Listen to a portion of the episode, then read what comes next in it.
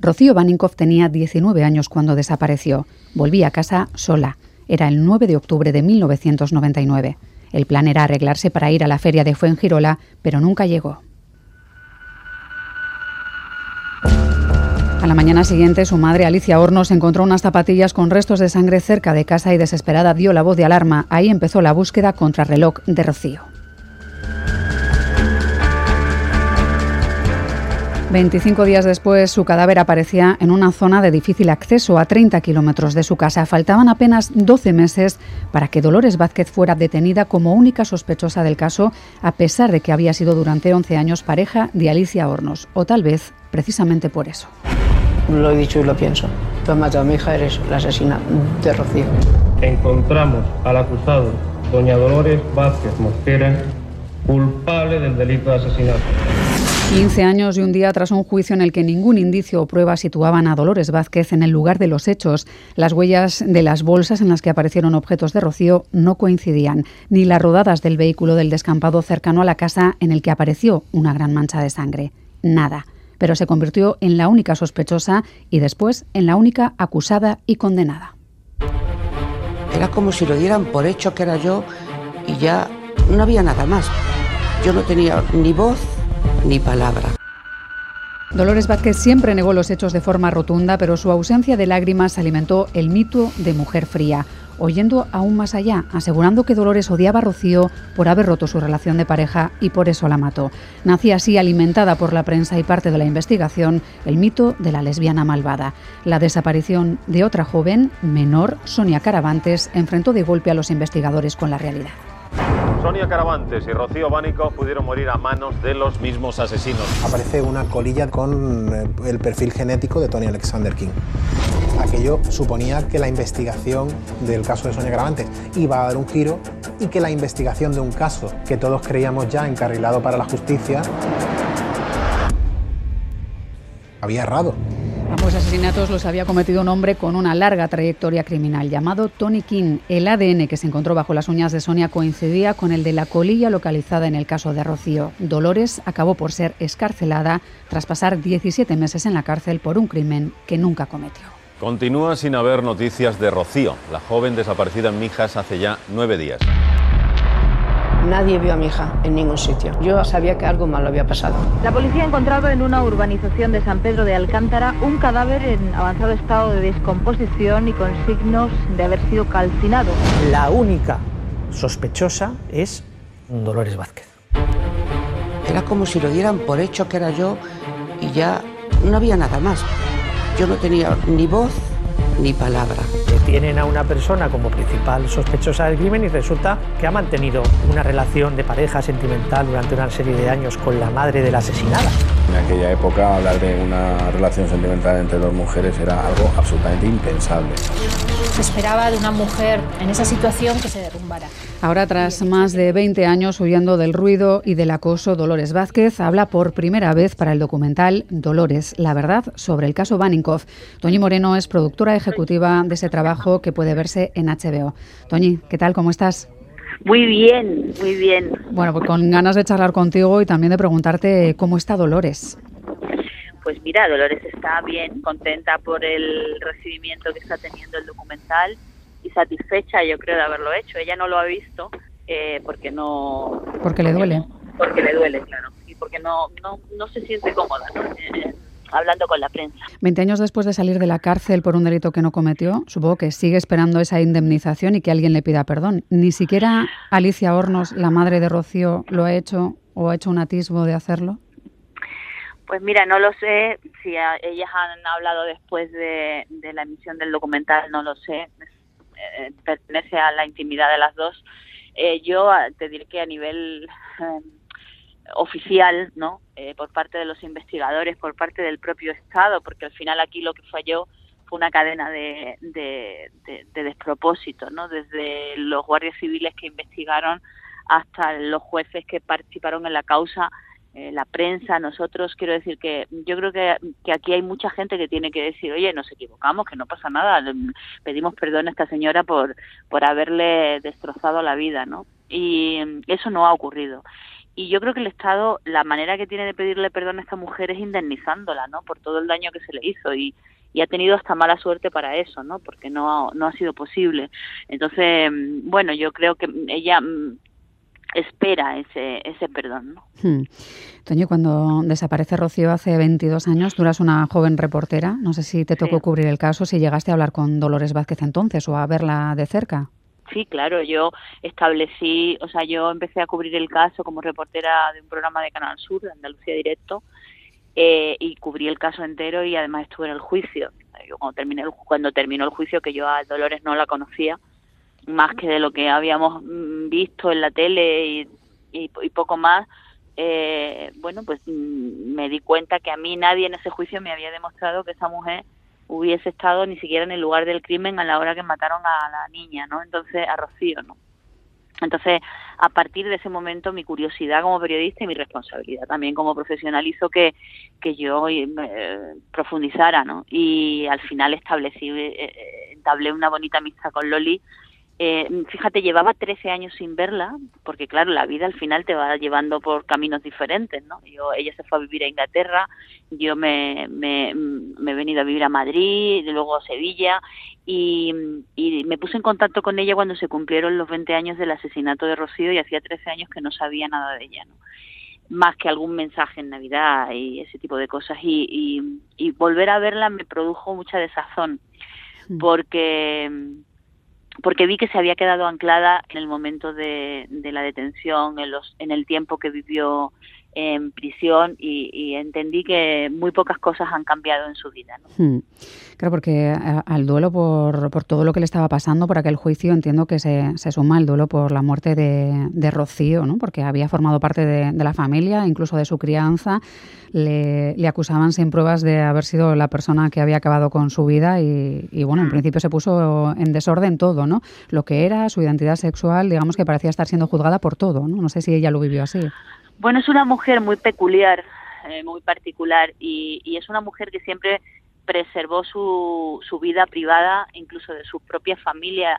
Ella no había hablado abiertamente de su vida con, ni con sus hermanas ni con sus amigos. Se siente eh, muy... Eh, pues muy violada en el fondo, porque cuando tú te dejas viendo en los telediarios la gente hablando de tu orientación sexual, cuando tú todavía no, no, no has tenido eh, el tiempo de contárselo a tu gente, ¿no? Pues te mm. sientes como que invaden tu intimidad, ¿no? Y eso ha durado hasta el día de hoy. Ella todavía no es capaz de verbalizar ciertas cosas y una se pregunta, bueno, ¿quiénes somos nosotros para, que, para empujar a la gente a que salga del armario? Ni quiénes somos nosotros para decirle a la gente cómo tiene que vivir su sexualidad. Mm. Lo importante es que alguien me demuestre si esta mujer mató a la niña o no mató a la niña, ¿no? Y eso no ha ocurrido. Toño, una última pregunta. No sé si mm. tú que has hablado mucho con, con Dolores Vázquez, con Loli para ti, ¿cree hoy en día que algo así no podría volverle a ocurrir? Pues mira, una de las razones por las que yo creo que mm, se ha hecho este documental es porque ella está convencida de que si esto volviera a pasar, volvería a pasar lo mismo, porque hemos avanzado poco, porque todavía nos desayunamos con em, eh, noticias sobre agresiones por homofobia, por lesbofobia, eh, hay mucho que construir todavía y, y yo le dije, mira, hay una generación de personas que están estudiando ahora derecho y periodismo que no te conocen y que no conocen tu caso y tú estás viva para contarlo. Hmm. Y yo creo que esa fue la razón por la que se atrevió a dar el paso y hablar después de 20 años que yo creo que ella sentía que su caso se había olvidado. Pues eh, Toño Moreno, productora ejecutiva, gracias por dar voz a, Dolores Vázquez hoy aquí con nosotros en este documental. ¿eh? HBO Max. Dolores, la verdad, sobre el caso Baninkoff. Un abrazo, Toñi. Un abrazo fuerte. Nos acompañan nuestros expertos de la mesa científica. Está conmigo Iñaki Rusta, ex jefe de la Policía Científica de la Archancha. ¿Qué tal, Iñaki? ¿Cómo estás? ¿Qué eso? También Rafael Alcaraz, forense jubilado, aunque muy activo. ¿Todo bien, Rafa? Todo bien. Y también Carlos Basas, escritor especializado en novela negra. Caixo Carlos, ¿qué tal? ¿Cómo va? ¿qué tal? Bien, muy bien. Bueno, las pruebas no encajaban con Dolores Vázquez, nada la situaba en el lugar de los hechos, tenía coartada para esa fecha, pero la metieron en prisión, tras un juicio además con un jurado absolutamente mediatizado. Carlos, es otro de esos ejemplos de que la opinión pública se deja arrastrar muchas veces por la imagen de mujer malvada en este caso, ¿no? Por la narrativa que se teje en torno a alguien para el que no hay pruebas, y es un poco lo que le pasó a Dolores, ¿no? Que a falta de pruebas o indicios, la construcción narrativa lo compensó todo de forma perversa. Sí, bueno, aquí, aquí hay dos cosas. La primera es que cuando un investigador parte de una idea preconcebida, toda la investigación va a estar tamizada por esa mirada. Es decir, si tú, eh, en lugar de ver quién es el culpable, primero asignas un culpable y luego tratas de justificar desde un punto de vista forense, si puedes, que esa persona es la culpable, pues se cometen errores. Eh, la segunda es lo que decías. Eh, yo lo he comentado más de una vez con eh, fiscales, con abogados, desde que tenemos la ley del jurado en España, y es que el único modo de evitar el prejuicio eh, en, una sala eh, sería que el juicio fuera absolutamente ciego. Es decir, que ni jurado ni juez eh, pudieran ver ni a acusado ni a víctima. Es decir, solo escucharles, analizar las pruebas y demás. ¿no? Porque todos conocemos la famosa ley de los siete segundos, que es lo que todos tardamos en formarnos un juicio acerca de alguien. Sabemos los trucos que utilizan los abogados, la gente que de repente es rubia, parece morena, em, los cambios drásticos de, físico. también, ¿no? Sí, sí, es, es, bueno, es un truco, ¿no? Todas las armas, eh, igual, que el, igual que el detenido tiene derecho a mentir, pues bueno, el abogado tiene derecho a, utilizar todas las armas a su alcance para absolver a su cliente, ¿no? Pero es, es prácticamente un imposible, ¿no? Mm. Los especialistas como vosotros, Rafa, eh, soléis escuchar las pruebas, lo que dicen los cuerpos. El de Rocío Banikov daba poca información, ¿no? apareció esqueletizado a los 25 días de su desaparición. No sé si es normal que estuviera así en tan poco tiempo. No, normal no lo es. Es una putrefacción enormemente rápida, pero aún no siendo normal, tampoco tiene por qué ser infrecuente ni anormal de una manera completa. Para producirse una putrefacción necesitamos unas condiciones atmosféricas determinadas, ¿eh? aparte de las condiciones físicas del cuerpo, con el cuerpo una vez que fallece inicia su derrumbe total y ya va a depender del medio ambiente. Si el medio ambiente es favorable, y eso quiere decir que no hay ningún exceso de temperatura, que no hay ningún exceso de humedad, ni tampoco una falta de temperatura, ni tampoco una falta de humedad, y el cuadro se conserva, eh, empieza a pudrir en condiciones eh, idóneas, la velocidad de la putrefacción y al aire libre va a ser mucho. Además, esas condiciones pueden favorecer la existencia de, de bichos, sean desde el tipo de las larvas de las moscas, que pueden acumularse, pues, si, el sitio es el, idóneo y el apropiado, por miles y miles y miles de ellas en el, cuerpo. Con lo cual va a ir desapareciendo, se lo van a comer más otros bichitos del entorno que también tienen su derecho a... Y eso resta muchísima información, entiendo. Sí, todo lo que sea en cuestión de partes blandas y en cuestión de patología. Eso nos, deja un poquito ciegos. Eh, y en este caso, pues si es esqueletizado, pues tendremos, tendrán alguna marca, alguna evidencia sobre el, plano óseo, en el, plano costal, en las costillas, algún corte que pueda asimilarse a una herida por arma blanca. Y lo que sí tuvieron fue la ropa, con las heridas, las marcas, las, las soluciones de continuidad que estaban en la ropa, que también se pueden analizar y desde luego catalogar. Nunca al nivel de decir ha tenido esta profundidad, ha afectado tal órgano, puesto que están ausentes. Se dijo incluso que las piernas estaban demasiado abiertas, por lo que parecía una violación simulada y por tanto obra de una persona homosexual. Que parece que me lo estoy inventando yo porque es dramático, pero son cosas que, se oyeron en aquel juicio precisamente, bueno, pues eh, entiendo que porque Dolores Vázquez eh, había sido pareja de la madre de Rocío, ¿no? Y todo estaba muy perversamente orientado. No sé si es posible que el cuerpo pueda quede en esa posición y de ahí se puedan extraer ese tipo de conclusiones así de mm, intensas. Yo creo que el cuerpo puede quedar en cualquier posición que lo hayan puesto, lo hayan utilizado para un abuso sexual o no lo hayan utilizado para un abuso sexual.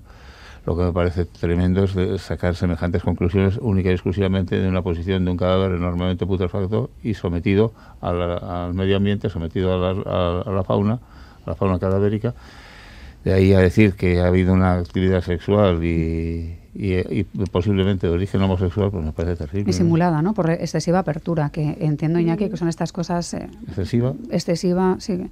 Peregrinas que a veces se pueden llegar a, oír en, en, los juicios y que, bueno, desasosiegan mucho.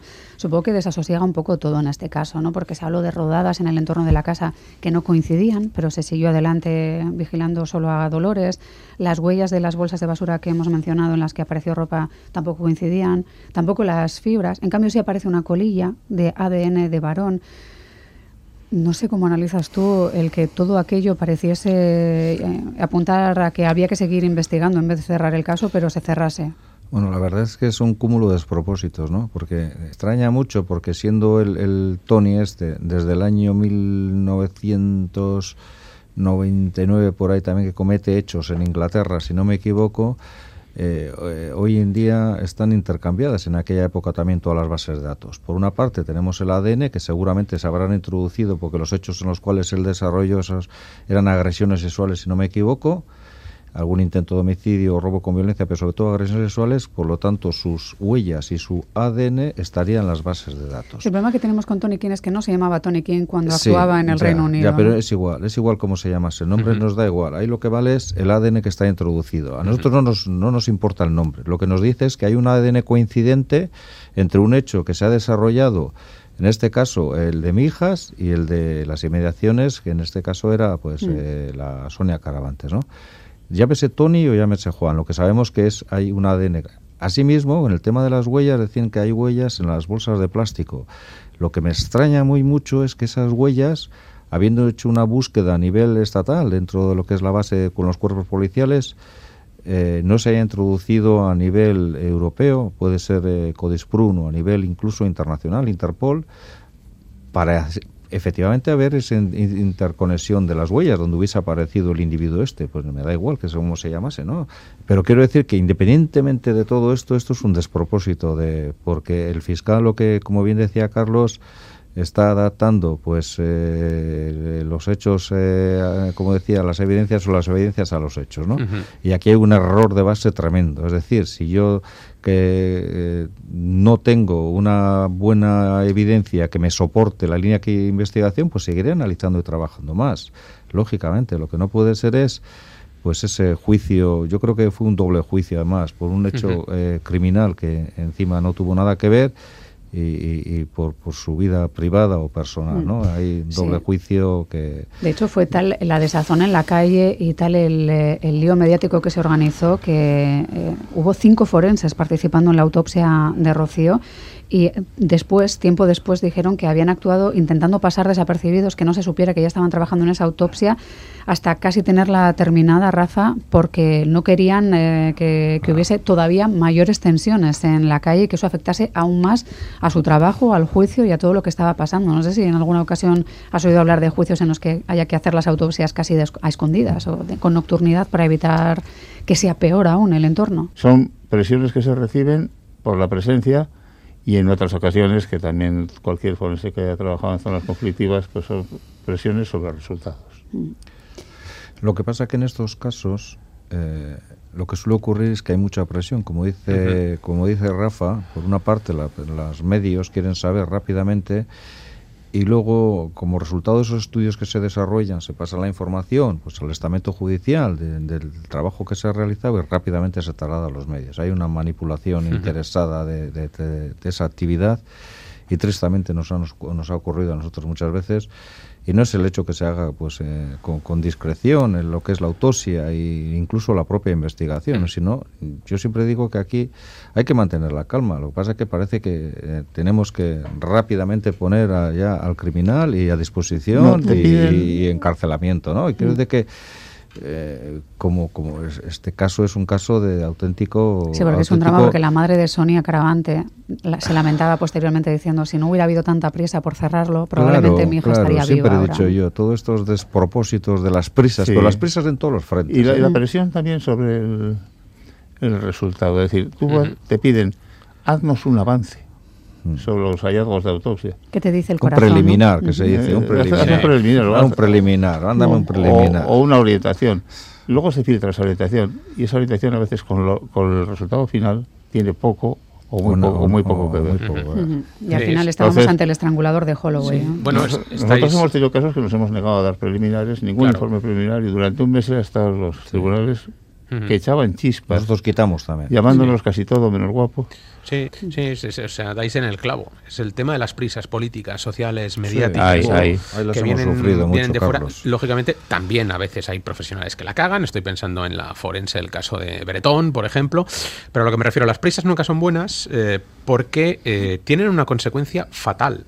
Y es que eh, acabas dejando libre a un culpable que puede cometer eh, otro delito, ¿no? Como sucedió en este caso. Es muy diferente que no encuentres a tiempo a un culpable y haya más crímenes a que tú creas a pies juntillas que ya tienes al culpable y dejes al tío que es el verdadero culpable eh, seguir campando a sus anchas, ¿no? Esa es la gran desgracia que no entienden muchos eh, políticos, eh, medios o la sociedad, que es que la prisa eh, acaba pasando factura y Mm. es, es, es muy mala. O sea, es eh, acabas eh, encarcelando, luego lo veremos, eh, a, a- a inocentes y los Mm. culpables quedan sí, libres. Sí, sí, porque yo he mencionado en varias ocasiones a, a Caravantes, a, esa pobre chica que era bueno, pues una joven de 17 años con toda la vida por delante y que bueno, pues eh, por delante se encontró a Tony King y a- aquello acabó con todo. Pero también para Dolores Vázquez ha sido una suerte de muerte en vida porque ha pasado bueno, pues eh, prácticamente toda su vida escuchando que algo habrá hecho, que tenía cara de mala y argumentos así de peregrinos para, para condenarla y para sentirnos tranquilos con la condena que habíamos perpetrado un poco como sociedad en general. Sí, pero fí- fíjate que en el sistema español, por muy desastroso que sea el proceso, se supone que tenemos un último dique de contención,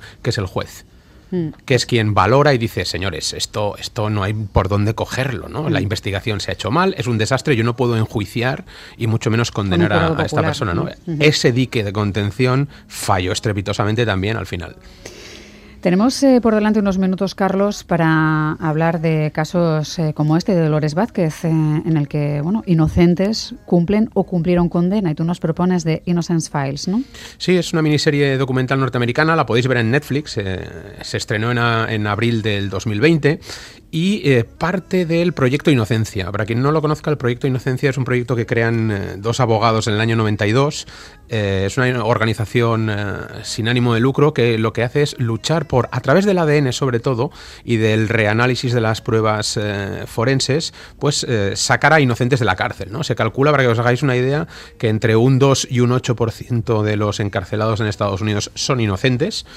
Y quienes crearon este, este proyecto Inocencia y son los impulsores de este de Innocent Files son dos abogados, Barry Scheck y Peter Newfield, que curiosamente fueron dos de los abogados de OJ Simpson. Mm. Es decir, sacaron a un culpable a la calle. Sí, ironías de la Eh, vida a veces. ¿no? Sí, los episodios eh, pues narran la historia de son ocho protagonistas, ocho condenados en firme por asesinatos mm, y, y, bueno eh, está organizado en torno a tres grandes bloques que son la evidencia, los testigos y la fiscalía. Sabéis que ahí quien lleva el peso de la investigación en Estados Unidos, además de la policía, es la fiscalía, no es un juez de instrucción. Entonces, pues analicen cada uno de eh, esos tres bloques y ven las grietas, eh, las enormes grietas de- del proceso. ¿no? Estamos hablando de ocho condenados, algunos de ellos condenados a muerte, que han pasado muchos años en la cárcel eh, por un, porque en su día, pues por ejemplo, o no se hizo correctamente un análisis de ADN o ni siquiera se solicitó. Con lo cual, pues bueno, dan con sus huesos en, en la cárcel y lo peor de todo ya no es todo el tiempo que, pierden, sino que se institucionalizan en las, en las prisiones, ¿no? Es decir, tu vida se va eh, por el desagüe a una velocidad, a una velocidad de vértigo, ¿no? ¿Y cómo es posible esto? Pues es posible porque eh, a veces el sistema, como decíamos, eh, falla estrepitosamente, ¿no? Y eso me lleva a otro pequeño documental que se llama The Confession Tapes, que recomiendo muchísimo siempre que puedo, que es a través de las cintas reales de las salas de interrogatorio de comisarías eh, en Estados Unidos, cómo los investigadores, mediante distintas técnicas de manipulación, pueden llegar a hacer que un inocente confiese un crimen que no ha cometido, eh, que esa confesión eh, vaya a juicio, evidentemente el jurado la vea, digan, bueno, este señor ha confesado, se le condene, y luego tiempo después, a través de también una prueba de ADN u otra, otra prueba forense, se demuestre que, que- no, que era inocente. ¿no? Eh, esta de Confession Tapes pone los pelos de punta porque nos coloca en la situación a cualquiera de nosotros de si te encierran en una sala muchas horas, bajo una presión psicológica tremenda, llegas a confesar hasta el asesinato de Kennedy. Así suenan. Estos oficiales de policía Me dijeron que me había desmayado. Me hicieron creer que maté a alguien a quien amaba. Me hicieron decirle a mi madre que lo hice. Pero no lo hice.